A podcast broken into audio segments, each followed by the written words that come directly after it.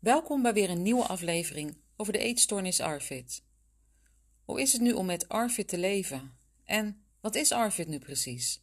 Nou, daar kan ik een antwoord op geven, want ARFID staat voor Avoidant Restrictive Food Intake Disorder en dat betekent zoveel als vermijdende restrictieve voedselinnamestoornis. In deze podcast gaan we het hebben over meerdere kinderen binnen een gezin met deze eetstoornis. Ik ga het verhaal van Claudia voorlezen, dat staat beschreven in het boek Overleven met Arvid. En daarna zal ik in gesprek gaan met Michel Wolfs.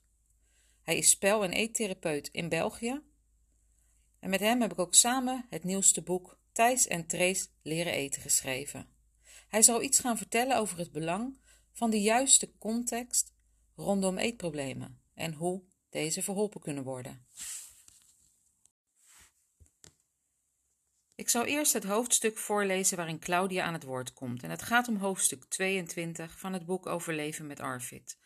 En boven dit hoofdstuk staat: Zoon en dochter beiden eetproblemen. En dan staat er een citaat: Na jarenlang getopt te hebben met de eetproblemen van onze zoon, blijkt onze dochter ook een eetstoornis te hebben. Dat bij meerdere kinderen binnen een gezin Arvid kan voorkomen, hebben Claudia en Sebastian helaas aan de lijve ondervonden.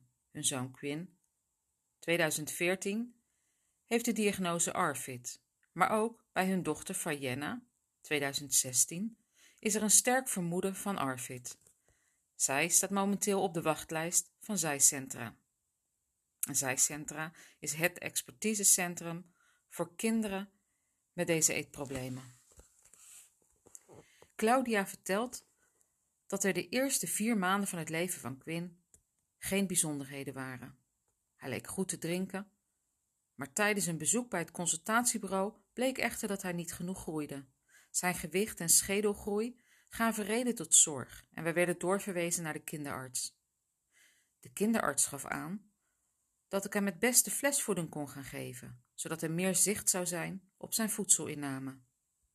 Maar na anderhalve fles besloot hij zijn flessen niet meer leeg te drinken. Omdat Quinn niet meer dronk, werd hij opgenomen in het ziekenhuis. Daar probeerden de artsen en verpleegkundigen hem tevergeefs uit de fles te laten drinken. Uiteindelijk zat er niets anders op dan hem zondevoeding te geven. Toen hij na een week naar huis mocht, moest hij wel zondevoeding blijven gebruiken, want hij accepteerde nog steeds geen fles. Gelukkig lukte het mij om hem nog een half jaar via zijn zonde borstvoeding te geven. Twee weken na zijn ziekenhuisopname hadden Claudia en Sebastian een afspraak in het Sophia Kinderziekenhuis om te onderzoeken of de schedelnaden van Quinn inderdaad dichtgroeiden. Gelukkig werd er niks afwijkends gevonden, maar zijn klachten en een aantal uiterlijke kenmerken deden de artsen ertoe besluiten om hem door te verwijzen naar een geneticus. Dezelfde middag konden wij daar al terecht. Ook uit het genetisch onderzoek kwam niks afwijkends. Impact. Doordat het steeds opnieuw plaatsen van de zondeslang zo'n grote impact op Quinn had, moest hij elke keer als we hem voeding via zijn mond probeerden te geven, overgeven. Tegen de tijd dat hij een jaar was, begon hij al te spugen als hij een kruimeltje tegen zijn lip voelde, vertelt Claudia. Na enkele maanden kreeg Quinn een voedingspomp waar hij dagelijks zeven uur op aangesloten was. Claudia vertelt dat de eerste periode in het teken stond van testen hoeveel en welk soort zondevoeding zijn maagje aankon. Hij heeft vreselijk veel gespuugd voordat we eindelijk de juiste voeding vonden. Ondertussen kreeg hij allerlei onderzoeken om erachter te komen waarom hij niet at. Toen Quinn ongeveer anderhalf jaar oud was, kwamen wij bij de neuroloog terecht. Daar werd ontdekt dat hij vocht in zijn hersenen had, wat volgens de artsen de verklaring van zijn eetproblemen was. Hij legde ons uit dat er iets mis was met de verbindingen in zijn hoofd. Volgens hem zou dat vanzelf overgaan en zou hij, als hij een jaar of zes was, vanzelf gaan eten. We vonden dat een vreemde uitspraak. Alsof hij dan ineens zou weten hoe hij moest kauwen. Pechzonde. Na enkele jaren een neuszonde te hebben gehad, kreeg Quinn, toen hij 2,5 jaar was, een pechzonde. Niet lang daarna zou hij in het AMC worden opgenomen voor een hongerprovocatie. Twee dagen Voordat hij zou worden opgenomen, werd zijn zusje Fayenna echter met ernstige eetproblemen in het ziekenhuis opgenomen. De artsen besloten de hongerprovocatie van Quinn af te blazen, want het was erg belangrijk dat de thuissituatie stabiel was tijdens de behandeling van zijn zus. Claudia beseft achteraf dat het maar goed was dat de hongerprovocatie niet doorging. We begrepen pas later dat Quinn geen hongerprikkel ervaart, dus een hongerprovocatie zou bij hem op niets zijn uitgelopen. Daarnaast kwam de behandelende arts erachter dat de ziekenhuisgegevens niet up-to-date waren en dat er belangrijke informatie ontbrak. Quinn had nooit in aanmerking mogen komen voor een hongerprovocatie, omdat hij vocht in zijn hersenen heeft. Autisme. Quinn startte toen hij 2,5 jaar was in een revalidatiecentrum en is daar anderhalf jaar onder behandeling geweest.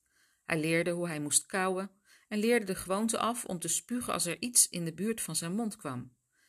Helaas lukte het in het revalidatiecentrum niet om zijn eten op te bouwen. Zodra hij een nieuw product at, liet hij een ander product vallen. Het leek wel of er in zijn hoofd geen ruimte was voor meer eten dan het handjevol producten dat hij durfde te eten. Toen Quinn 3,5 jaar was, kreeg hij in het Sophia Kinderziekenhuis de diagnose autisme. Dit zou een van de mogelijke redenen voor Arvid kunnen zijn en verklaarde voor ons veel van zijn gedrag. Fayenna Twee jaar na Quinn werd Fayenna geboren. Meteen vanaf het begin weigerde zij borstvoeding. Maar toen zij na drie maanden ook haar flesjes begon te weigeren, begon Claudia een angstig vermoeden te krijgen dat het dezelfde kant op zou gaan als bij haar oudere broer Quinn. Omdat zij te weinig vocht binnenkreeg, moest zij worden opgenomen in het ziekenhuis. Daar werd meteen gedacht dat zij hetzelfde had als haar oudere broer en werd geadviseerd om haar zondevoeding te geven.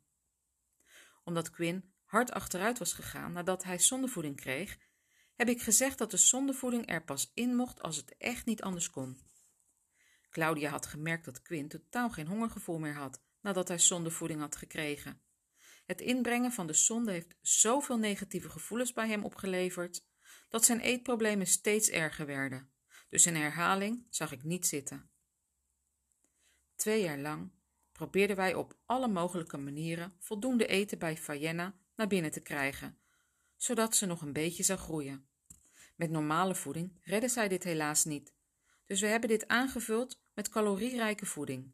Ze accepteerde heel weinig, maar een aantal smaken medische toetjes of wat drinkvoeding kregen we er gelukkig wel in.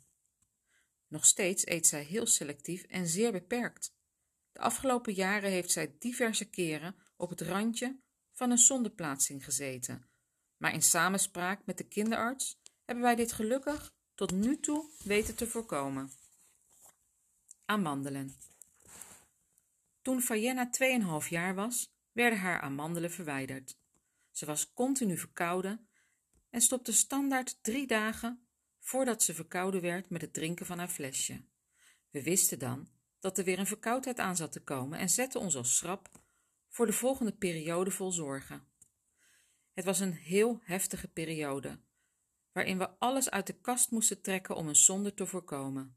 De angst dat het dezelfde kant op zou gaan als bij Quinn en zij zou stoppen met het laatste beetje eten dat ze nog at, was te groot bij ons. Claudia en Sebastian merkten dat de kinderen sterk op, elkaar reageerden. Als de een iets weigerde, volgde de ander. We willen daarom de behandeling die Quinn in de eetkliniek krijgt meteen toepassen op zijn zusje. We hopen dat ze wat meer positieve eetervaringen zal krijgen als ze ziet dat haar broer leert eten en hopen dat ze in de toekomst wat gaat leren proeven en niet meteen haar bord zal wegschuiven bij het zien van eten. Dagje uit. Een dagje uit of een vakantie is een heel gebeuren voor het gezin. Doordat Quinn zondevoeding heeft en zij beiden medische voeding nodig hebben, moet er van alles mee. Ergens anders eten is eigenlijk onmogelijk met de kinderen. Ze eten allebei geen andere voeding dan het weinige eten dat zij gewend zijn te eten. Het onbegrip van mensen uit de omgeving valt Claudia zwaar. Voordat Quinn een diagnose had gekregen, hoorden we regelmatig de opmerking: Breng hem maar bij mij, dan leer ik hem wel eten. Voor ons voelt dat hetzelfde als wanneer zij zouden zeggen: Het lukt jullie blijkbaar niet om je kind normaal te voeden. Wij zullen dat wel eens even voor jullie doen. Zijcentra. In mei 2020 is Quinn gestart in de Zijskliniek en kreeg hij de diagnose ARFID, vertelt Claudia. Nu hij bij Zijcentra wordt behandeld, merken wij dat hij eindelijk dingen durft te proeven. Hij heeft daar wel een lange lijst aan voorwaarden aan verbonden, maar als alles aan zijn eisen voldoet, is hij bereid om het te proeven. Na zes jaar tobben kunnen we voorzichtig zeggen dat het begin er is en dat we wat gaan opbouwen met Quinn. Voor zijn behandeling in de Zijskliniek at Quinn veel te weinig om van te kunnen leven. Doordat hij geen hongerprikkel eet, heeft, at hij s'morgens niet. Voordat hij naar school vertrok, gaf Claudia hem altijd zondevoeding. Tussen de middag at hij een klein stukje brood en uit school een koekje. Als avondeten at hij opnieuw een klein stukje brood. De rest van zijn eten werd aangevuld met zondevoeding. Bij zijcentra zijn ze aan het proberen om de zondevoeding af te bouwen, zodat dit niet langer zijn hoofdvoeding is, maar bijvoeding wordt. Oefenen. Quinn dit momenteel bij zijcentra om een appel te eten. Hij kan op dit moment 40 gram appel eten. Dit zal met veel geduld steeds verder uitgebreid moeten worden. Tussen de middag moet hij een heel broodje met boter en een krakotte cracker eten en s'avonds wordt hij geoefend met wat vanille en chocoladevla. Dit vindt hij nog erg moeilijk, want vloeibaar voedsel vindt hij afschuwelijk. Toch ziet Claudia dat hij geïnteresseerd raakt in ander eten. Pas zag hij een reclame van een koekje op televisie. Hij gaf uit zichzelf aan dat hij dat koekje wel eens zou willen proberen. Dat zijn hoopgevende ontwikkelingen. Hij beseft heel goed dat hij anders is dan andere kinderen en zegt dat hij graag normaal zou willen zijn.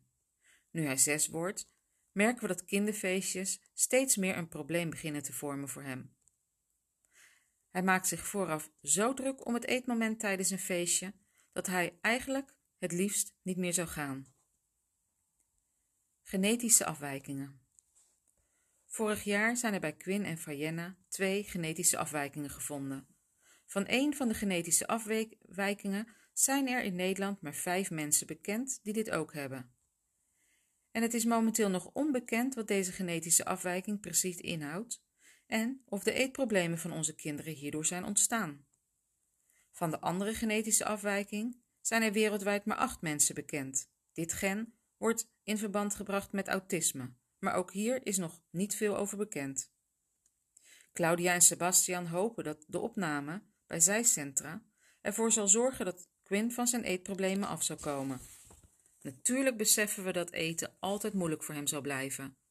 Maar als hij normaal mee kan doen met zijn klasgenootjes en gezond op kan groeien, zal dat voor hem en voor ons al zoveel winst zijn.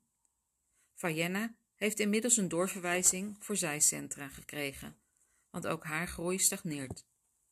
Hoe we ook ons best doen om haar voldoende eten aan te bieden, we zijn op een punt aangekomen dat we ook voor haar deskundige hulp nodig hebben. Hopelijk kunnen allebei onze kinderen bij zijcentra geholpen worden en zal eten ooit geen beladen onderwerp meer zijn in ons gezin. Het lukte mij helaas niet om met Claudia in gesprek te gaan. Want ik zou heel graag met haar willen doorpraten, net als twee jaar geleden toen we elkaar spraken. Uh, want ook ik weet wat het is om meerdere kinderen met de eetstoornis ARFID te hebben. De twijfels die je dan hebt als moeder, uh, doe ik het wel goed en waarom heb ik nu juist twee kinderen met deze eetproblemen? Zal ik het dan toch niet goed hebben gedaan? Uh, de oordelen van de mensen om je heen, nou, dat zijn allemaal dingen waar je tegenaan loopt. Uh, als je één kind hebt met deze eetproblematiek, maar als je er meerdere hebt, ja, dan ga je helemaal aan jezelf twijfelen. En dan merk je ook dat het steeds minder geloofwaardig wordt voor de mensen om je heen. Want ze denken al gauw, ehm, hoe kan dit? Het is wel heel toevallig, te toevallig. Dan moet er toch iets mis zijn binnen het gezin zelf. Nou, dat zijn echt ehm, dingen waar je mee worstelt als ouders, waar je tegenaan loopt, waardoor er veel schaamte is en waardoor je er eigenlijk niet snel over durft te praten. Nou, dat Claudia dit durft te vertellen, dat vind ik heel erg moedig. Daar heb ik echt respect voor. Ik heb ook iemand gesproken ehm, en ook een hoofdstuk geschreven in het boek Arvid te Lijf over uh, of het zou kunnen zijn dat er een genetisch component zit aan het ontwikkelen van deze eetproblematiek.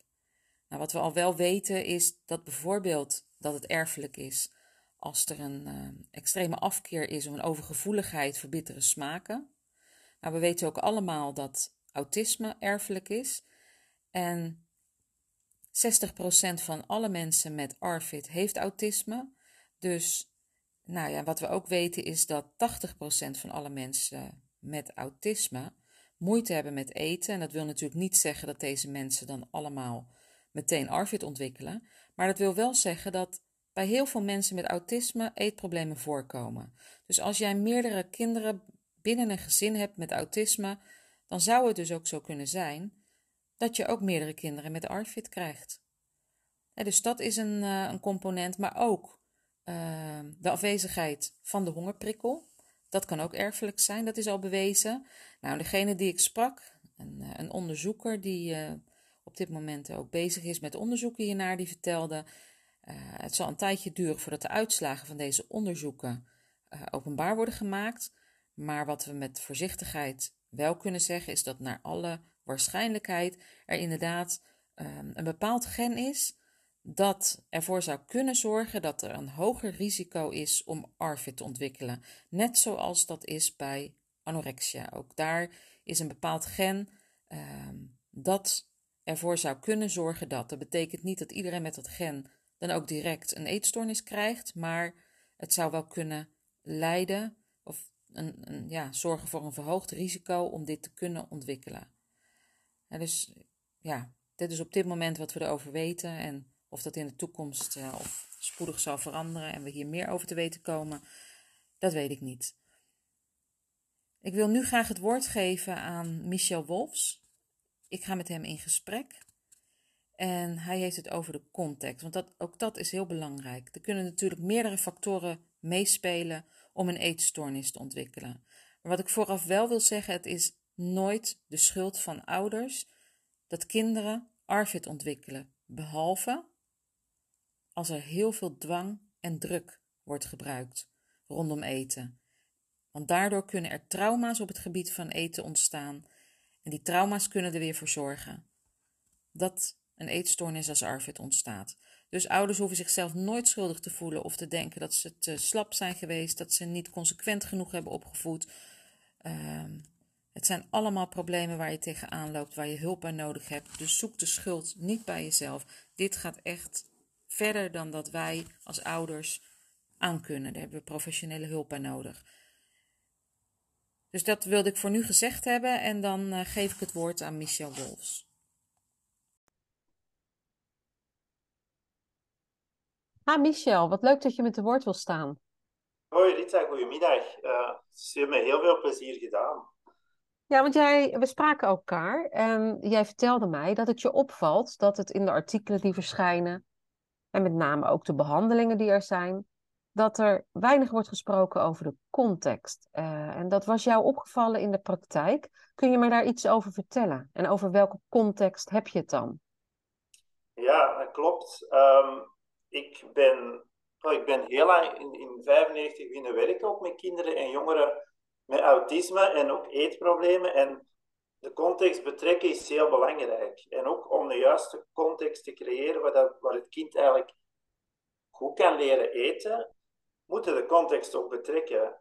Um, ik ben dat ook altijd blijven doen. En bij mij ging er op een gegeven moment zo een belletje rinkelen toen ik um, vorig jaar begonnen met een begeleiding van een kindje. En die papa vroeg, hij zegt, ja, voordat wij beginnen met um, met de begeleiding wil ik je toch wel een, een, een, vraag stellen.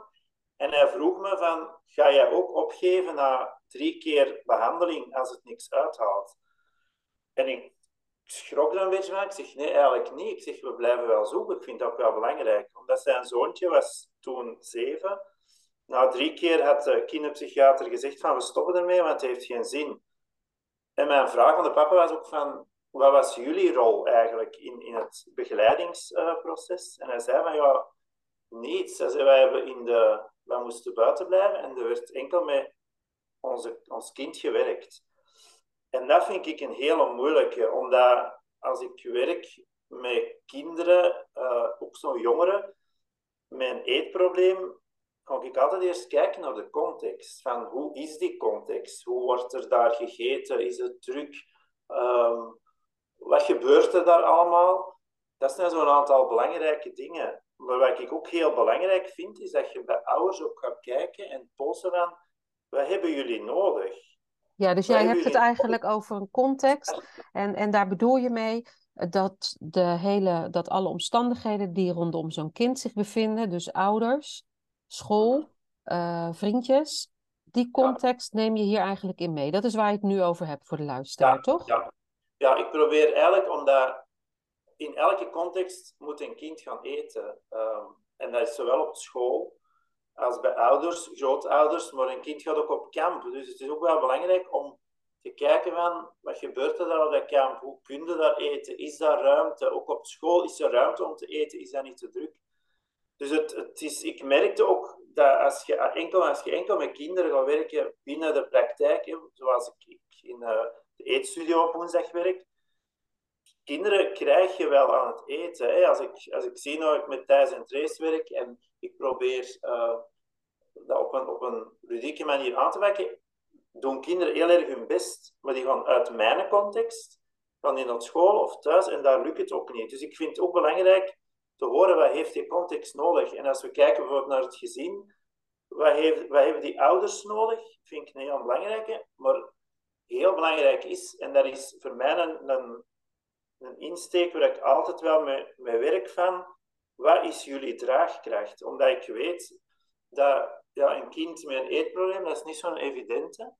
Uh, dat vraagt heel veel van de context. En ik vind dat ouders heel vaak ja, erin vergeten worden en misschien ook te weinig gehoord, uh, omdat de focus wel op het kind ligt. En ik vind het belangrijk om te kijken van waar ligt die draagkracht van die ouders. Ja, mooi. En als, ik, en als ik merk dat die draagkracht van ouders echt beneden zit, dat ouders zoiets hebben van, ja, ik ben ook moe. Um, ik werkte eerst soms eerst aan dat stuk van hoe kunnen we draagkracht van ouders vergroten. Omdat ik kan wel zeggen aan ouders van, um, we gaan beginnen leren proeven, de stapjes, uh, we gaan dit doen en dat doen. Maar vaak merkten ook de ouders zeggen van, voor ons is het al zoveel geweest, er is nog iets op de berg. Dus ik probeer eerst een beetje luchtigheid te brengen, wat mist op te klaren en vooral de draagkracht van ouders um, ja, te vergroten en die draaglast te laten zakken. ja, want als je het, wat mooi, mooi dat je dat doet, want wat ouders natuurlijk heel vaak voelen, uh, is, is, een stukje schuldgevoel, omdat ze bang zijn dat het aan hen ligt dat deze eetproblemen zijn ontstaan. Maar ook als je het over een context hebt, dan kan het zo zijn dat bij sommige ouders eigenlijk een beetje de kriebels ontstaan, omdat ze denken: oh wacht, dus dan toch ligt het aan onze gezinssituatie. Ja, want dat wordt dan gedacht als je het over een context hebt, van, dat daar naar gekeken wordt is er dan toch iets mis binnen ons gezin, dat deze eetproblemen zijn ontstaan. Maar over zo'n context heb je het niet. Hè? Je, je zoekt het dus eigenlijk meer in de helpende vorm. Wat in deze context uh, kan verlichten om met deze eetproblemen uh, om te kunnen gaan met elkaar. En, en om deze uh, stukje bij beetje te kunnen overwinnen. Dat is denk ik meer wat, wat jij dan doet, hè? Ja, vooral dat. En ik zeg ook heel duidelijk aan ouders van oké, we gaan even kijken hoe jullie context eruit ziet, maar dat is om jullie te helpen. Dat is niet om te zeggen van, daar zit de schuld, daar zit de fout. Het gaat meer over, en mijn ouders krijgen heel vaak te horen, um, zet ze maar eens een week bij mij, ze zullen wel eten. Ik probeer die dingen ook met ouders van, dit is niet. Het is niet simpel om een kind te hebben dat moeilijk eet of niet eet, omdat eten ook een basisbehoefte is. En ouders voelen, die hebben een hele, ja, een rugzak vol schuldgevoel. Um, ik had onlangs een mama en die was heel verdrietig. Ze zei, ja, ik voel me eigenlijk zo slecht, zegt want ik heb eigenlijk niks met hem kunnen doen. Um, we hebben alleen maar, ja, alleen maar gewoon gewerkt rond, ja, we rusten aan tafel en ja, je hebt niks gegeten, maar eigenlijk zat er wel bij ons aan tafel. Ik zeg, maar dat is ook al een stap. Het zit hem in de hele kleine dingen. Je kind mee aan tafel laten zitten, um, dat hij rustig is, dat hij een stukje mee kan genieten en maar ook naar ouders. Ik zeg altijd in, in mijn tips naar ouders toe van zelfzorg is een heel belangrijke. Quality time voor jullie als ouders is heel belangrijk om ja, elkaar er ook in te steunen. En dat is vaak voor ouders ook ja, een, een helpend iets om te horen. Oké, het ligt niet... Nee, ligt en niet- wat, precies, maar wat je natuurlijk vaak hebt, als je het hebt over ARFID, in 60% van de gevallen gaat het, eh, of, of zelfs natuurlijk wat meer, maar eh, vaak gaat het over een secundaire stoornis. Dus dan heb je een primaire stoornis, zoals bijvoorbeeld autisme. En er speelt nog veel meer mee. Eh, mensen met, die te maken hebben met de kinderen met autisme, die hebben het al behoorlijk pittig. Dat is voor Ja. heel veel mensen al bijna niet vol te houden. Maar als je daarnaast ook nog eens eetproblemen hebt, ja, dan kun je wel willen dat ouders quality time gaan krijgen rondom deze eetproblematiek. Maar er speelt vaak nog zoveel meer mee. En neem je dat daar ook in mee? Ja, ik kon vooral, ik zeg, ik kon vooral kijken naar ouders van hoe kunnen, we, hoe kunnen we dat ook doen? Ik zeg niet van je moet dit doen, maar we gaan kijken, op maat werken. Hoe, hoe kan dat voor jullie? Wat is quality voor jullie eh, bijvoorbeeld? Dus wat bij mij een hele, en dat is eigenlijk ook het stukje waar ik mee begin, ik vind dat heel belangrijk naar ouders toe, is psycho-educatie, omdat je ouders dan leert van wat gebeurt er hier en waarom doet mijn kind wat dat dan doet. Wat ligt daar onder die ijsberg? Waarom dat mijn kind doet wat dan doet? Dus het is niet zo dat ik zeg van ik, ik, ik doorlicht de context, ik zeg van daar ligt de schuld in de context. Nee, ik betrek de context ermee om te kijken van hoe kunnen we dat aanpakken. Dat vind ik heel belangrijk, want het is niet alleen het kind laten eten en, en van alles doen, wat ik ook in de eetstudio doe. Bijvoorbeeld, ik heb een papa die is thuis samen met zijn zoontje. We hebben dat opgestart in de eetstudio. En die is thuis samen met zijn zoontje.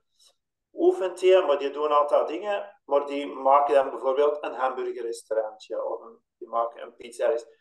En zo merkte, en wat dat die ouders thuis met de kinderen, laat ik die meepakken naar de eetstudio. Dus we hebben, ik eet daar ook altijd wel dingen mee dat het kind dan maakt. En zo zie je van, ja, hoe kunnen als ouder toch dat kind meepakken in een een oké eetpatroon, ehm, zonder dat te gaan stigmatiseren, want dat wordt heel vaak gedaan. Het is een moeilijke eter, het zou wel aan de ouders liggen.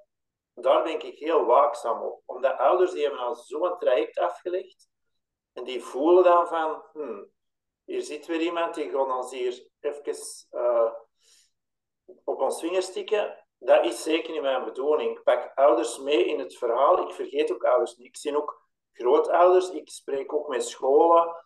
Um, ik overleg met scholen, zeker nu begin van het schooljaar, van ja, hoe kunnen we ervoor zorgen dat kind toch bij zijn vriendjes zit, toch relaxed iets kan eten? Is dat een lust? Dat is echt een zoektocht, maar dat is wel belangrijk om een, een goed, vind ik, een goed vangnet, een goed sociaal netwerk te vormen rond dat kind. Mooi, en ja. zeker niet het gevoel te geven van, ja, je hebt een moeilijke eten, maar dat komt omdat jij en jij en jij en dat niet eet. Dat is Ja, zeker. precies. Ja. ja, want jij zegt ook, je gaat uh, in gesprek met scholen. Nou heb jij vast ook uh, het opiniestuk gelezen van Vicky de Beulen deze week. Dat uh, doet veel stof opwaaien in België. ja, daar, daar gaat het ook over de broodtrommel. Dat die op sommige scholen verplicht leeg moet. Nou ja, dat is Ah, ja, natuurlijk dat- een dwang ja, die niet toegepast kan worden als je het over ARFID hebt. Maar ja, als ARFID nog onbekend is, hoe weten leerkrachten dan dat ARFID speelt en hoe ze daarmee om moeten gaan? Dus wat we nu vaak terug horen van ouders uh, in België, maar ook in Nederland. En er wordt bepaalde dwang of druk toegepast rondom het eten. Daardoor ontstaat er heel veel angst rondom de eetpauzes of de tussendoortjes. En dat maakt het schoolgaan voor kinderen nog moeilijker. En jij zegt, ik ga met scholen in gesprek. Merk je dat daar ook opening is om over ARFID te praten? Um, ja, so, sommige scholen wel. Ik bijvoorbeeld, nu er gaan ook heel veel kinderen op zo'n driedaagse. Ik vraag aan onze scholen en ook aan ouders van, vraagt op wat ze eten. Vraagt die menu op, kijkt wat dat er lukt, kijkt wat dat er niet zou lukken. Um, ik maak dan een, een eerste hulp, een EHBE-koffertje, en eerste hulp bij eetproblemenkoffertje, waar daar dingen in zitten, tips, tricks, maar ook voor, voor de leerkrachten van hoe gaan we daarmee om. Mm -hmm. Maar ook dat een kind gewoon dingen mee heeft van oké, okay, het is pasta, is voor mij heel moeilijk, maar ik heb wel mijn sandwiches. Ik heb nu een kindje ja, dat eet uh, sandwiches met kippenwit en uh, peperkoeklusten. Dus ik heb aan mijn mama gezegd van, geef dat mee. Ik vind het belangrijk dat die kinderen genieten op kamp, dat die terugkomen en dat ze hebben gegeten wat ze willen eten, maar te zeggen van, dit was kei leuk. Ja. Los van of dat die nu smiddags met pasta eten of niet. Um, en zo mijn jongere kinderen, die stellen zich er niet zo heel veel, vragen bij soms. Die vinden dat oké. Maar zo ja, ouderen die gaan ja, maar wat gaan mijn klasgenootjes zeggen? En dan proberen we dat ook gewoon te normaliseren. Want er zijn kinderen die bijvoorbeeld geen suiker mogen eten. Er zijn kinderen die bepaalde, die glutenintolerant zijn, lactose, die hebben hun eigen melk. Die. Zeg, voor jou is dit uw veilige eten en dat is oké. Ja, en dan heb je het nog over de patiënt zelf en die, of, of hè, de ouders, naasten. En die weten vaak wel uh, de oplossingen op dit moment. Alleen het gaat er meer om dat op school, als je het hebt over een programma dat een school gezond moet zijn. Uh, ja, ja. ja, en dan wordt, ja, als, jou, als jij alleen maar een broodje met pasta kan eten en school accepteert dat niet en je moet wat anders meenemen, of je kan geen fruit of groente eten en je moet wat anders daarvoor in plaats. En het koekje wordt afgepakt. Of er wordt gezegd, als jij een appel eet, krijg je je koekje terug. En dat zijn praktijken die echt voorkomen op dit moment. Ja, ik weet het. Uh, ja. ja. hoe moet je daar dan mee omgaan? Ja, nu, ik ga sowieso in overleg. Ik ben, alleen gekend mij ondertussen. Ik ben een redelijk loyaal en redelijk rustig iemand. Maar ik heb al met, met school in overleg geweest dat ik dacht van, dit is niet oké. Okay. Het is een stukje dwang leggen op een kind om toch maar die een appel op te eten. En dit is niet oké. Okay. Nee, dat, dat is echt... dan ook ja. psycho-educatie in scholen ook uit te leggen van oké, okay, wat gebeurt er met dat kind als je daar druk op legt? Wat gebeurt er als daar iets staat voor dat kind zijn neus op dat bord, dat er eigenlijk die angst opkomt om dat te eten, dat kind blokkeert. Um, ik leg ook heel vaak uit, ook aan ouders en ook aan um, ook wat oudere kinderen, jongeren, zo pubers, maar ook aan leerkrachten van als er stress is, leert een kind niet. Als er stress is, hoort een kind niet wat er gebeurt rondom. Stress blokkeert dat lichaam, dus ook het eten. Dus dat, dat probeer ik ook aan ouders uit te aan leerkrachten uit te leggen. En je hebt scholen die... Ik vind wel dat er wel wat scholen zijn in België die dat er in meegaan, maar je hebt ook wel scholen die echt verplichten aan. Nee, ze eten dit fruit en ja, nou in Nederland is dit natuurlijk helemaal een hot item. Daar wordt constant op gehamerd. Daar is nu ook vanuit de overheid ontzettend veel geld beschikbaar voor het schoolontbijt en de schoollunch. En ja, dat wordt natuurlijk niet een witte boterham met pasta, wat heel veel kinderen met ARFID of autisme alleen maar kunnen eten. Ja, ja, inderdaad. En nou heb ik me juist weer laten vertellen dat op het moment dat er stress of angst of spanning uh, in het spel is, dat je juist heel goed kunt ruiken, heel goed kunt proeven, heel goed kunt horen. Dus eigenlijk al je zintuigen worden verscherpt. En dat het dan juist nog moeilijker uh, wordt om te kunnen Ja. eten. En dat je dan Ja. als het ware een brok in je keel krijgt. En dat je gewoon niks meer door je keel kunt krijgen. Ja, dat is iets waar we natuurlijk ver van af moeten blijven. Alleen ja, het is eigenlijk een beetje roepen. ehm, maar niet dat er naar wordt geluisterd op dit moment. En dat vind ik persoonlijk wel heel jammer. Want dat zijn wel signalen die ik van veel ouders te horen krijg. En daar maak ik me best zorgen om. Ja, dat klopt wel. Dat klopt. Nu, ik probeer, als, ik ben al blij als ik, als ik scholen zover krijg om... Ik heb een jongetje die eh, ehm, in het zesde leerjaar zit, die het heel moeilijk heeft om in de grote refters te eten. En die hebben we vorig jaar zover gekregen, die school zegt, oké, eh, we hebben een apart zorglokaal, daar mag je eigenlijk gaan eten. En hij mag ook een vriendje van de klas vragen mee te gaan. En dat is eigenlijk een soort van roulement, waar dat de ene keer de mag gaan eten, de andere keer daar mag gaan eten. En ik hoor wel van ouders, de brooddoos is ook niet altijd leeg. Maar hij zei onlangs, ja, maar ik babbel, babbel dan ook wel veel. Mhm. Ehm, maar ik merk ook wel dat dat kind dan veel relaxter is en toch wel eet. Ehm. Terwijl in de refter, ja, er zijn enorm veel prikkels, eh, gebabbel. ehm, er zitten heel veel jongeren. Als ik soms hoor van, van ouders dat, dat bijvoorbeeld een heel eerste jaar dat dat 200, 300 leerlingen zijn die allemaal tegelijkertijd in die refter moeten eten. Ja, dat werkt voor kinderen met autisme, werkt dat natuurlijk niet. Dat is veel te veel prikkels, terwijl je dan juist in zo'n pauzemoment een moment van ontprikkeling moet hebben. Ja, en dan is inderdaad heel belangrijk om uit te leggen, zowel aan ouders als aan leerkrachten, jeugdvereniging, van wat is eigenlijk het effect van autisme op het moeilijk eten? Wat, wat gebeurt er daar? En ik denk als, ehm, mensen dat ook meer snappen. Dus ik ben een hele voorstander om echt ja, te werken rond sensibilisering van uh, scholen, uh, instanties, voorzieningen waar dat kinderen met autisme ook zitten. Mm Ik vind dat een hele belangrijke. Maar ook Ja. al bijvoorbeeld, ik geef ook eh, elk jaar les aan de verpleegkundigen in een hogeschool. Dat is een les over autisme en een les over eetstoornissen. En ik Mhm. denk, als je daar een aantal mensen kunt bereiken, dat die weten van, oké, maar er zit wel een link en wat is het probleem daarin? Ehm, dat je al heel veel doet.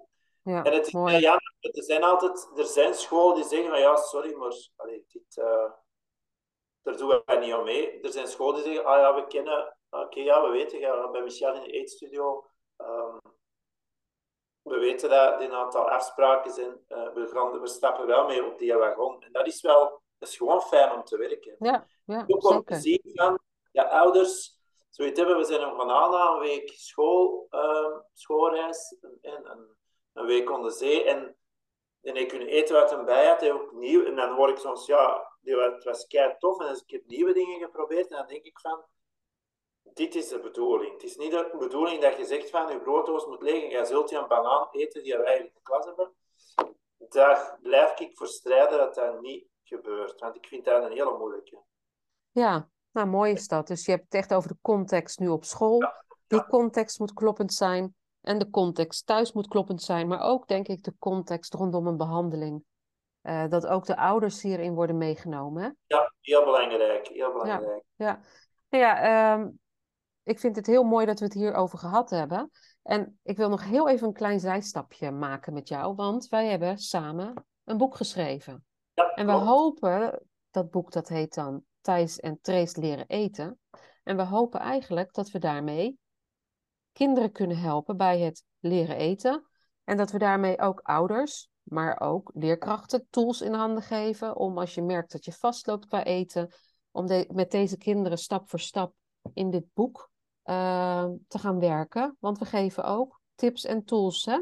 Kan je er iets Ja, over vertellen? Wat, wat was jouw ehm, ja, reden om te gaan samenwerken en dit boek te maken met elkaar?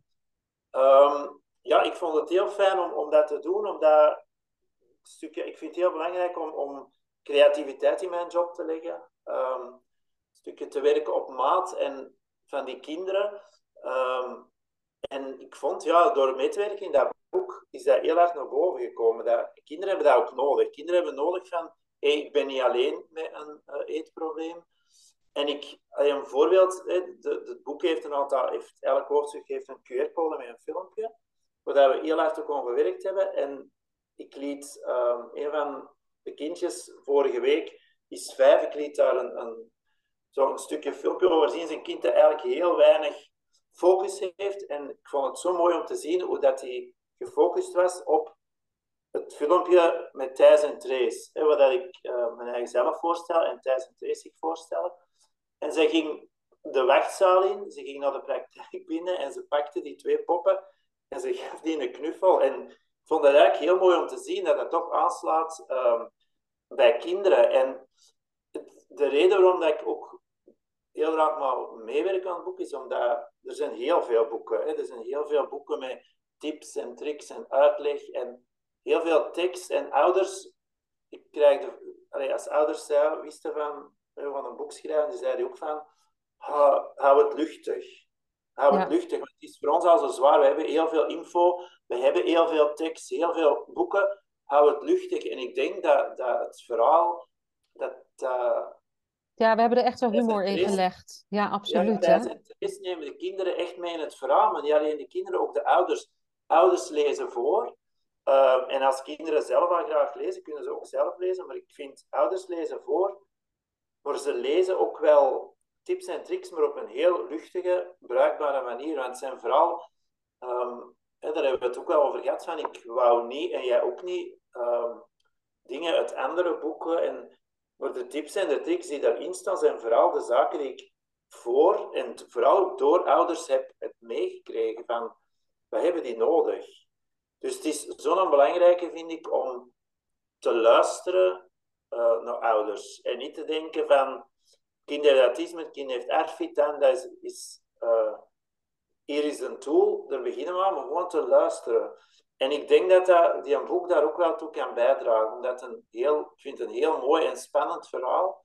Um, maar toch een, een, zwaar onderwerp is toch luchtig gebracht, hè? Ja, en ouders kunnen met hun kind werken rond het eetprobleem, maar op een heel leuke manier. En dat is eigenlijk de bedoeling uh, van het boek. Dus ik hoop.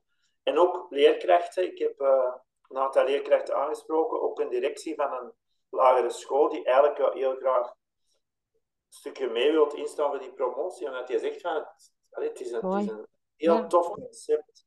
Leuk. Ja, ik moet eigenlijk nog wel een persoonlijk uh, grapje uh, uitleggen aan de luisteraar. Want in het boek heeft Beatrix erbij een enorm belangrijke rol. Want die gaat door groente- en fruitland met Thijs en Trace en leert Thijs en Trace eigenlijk de soort groente en fruit kennen. En haalt hen over om hapjes te nemen daarvan. Uh, maar Beatrix erbij uh, is, is bij mij een beetje geïnspireerd op uh, ja, nu prinses Beatrix uit Nederland. Ik kom zelf dan uit Nederland. En dat is een wijs iemand die, ja, die ik hoog heb staan. En toen kwamen we zo een beetje op. Uh, we probeerden elke keer een, een groente- of fruitsoort. Probeerden we de eerste letter van de groente- of fruitsoort in een naam te verwerken. Dus als je het over bijen hebt, ja, dan kwamen er wat, wat woorden langs. En toen kwam ik opeens op Beatrix. En toen vroeg ik de tekenaar of het kapsel van Beatrix ook echt op het bijtje gezet kon worden in de tekening. En of er inderdaad een stafje was, zodat duidelijk was dat het om een koninginnenbij ging ja, dat vind ik dan persoonlijk uh, humor. Maar goed, dat moet je, dat moet je natuurlijk ook zo, uh, zelf zo kunnen zien. Maar ik vond dat een leuk detail. En zo hebben we gewoon wat grappige details erin verwerkt. En het was voor ons een ontzettend leuke reis om samen te maken. Ja, ik vond het zeker uh, heel fijn. En, en een deel 2, daar staan wij absoluut voor open. Dus als dit boek goed wordt verkocht, dan gaan we zeker door naar deel 2. Ja, dat is een goed idee. Ja.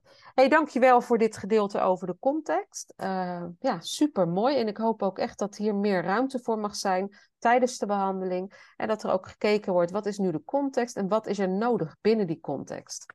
Dus dankjewel, Michel. Is graag gedaan, dankjewel. Wil je na dit gesprek nog meer weten over de eetstoornis ARFID? Kijk dan gerust op de website www.arfid.nl. Op deze website kun je van alles vinden. Er staat een agenda, er zijn allerlei handige links, video's, um, artikelen, ervaringsverhalen, maar ook informatie van zorgprofessionals over ARFID. Nou, lees hier gerust meer op. Er staan ook uh, de boeken op die ik over ARFID heb geschreven. En dat zijn dan de boeken over leven met ARFID. Die is voor ouders uh, van jonge kinderen met ARFID, maar ook voor zorgprofessionals die hier meer over willen weten.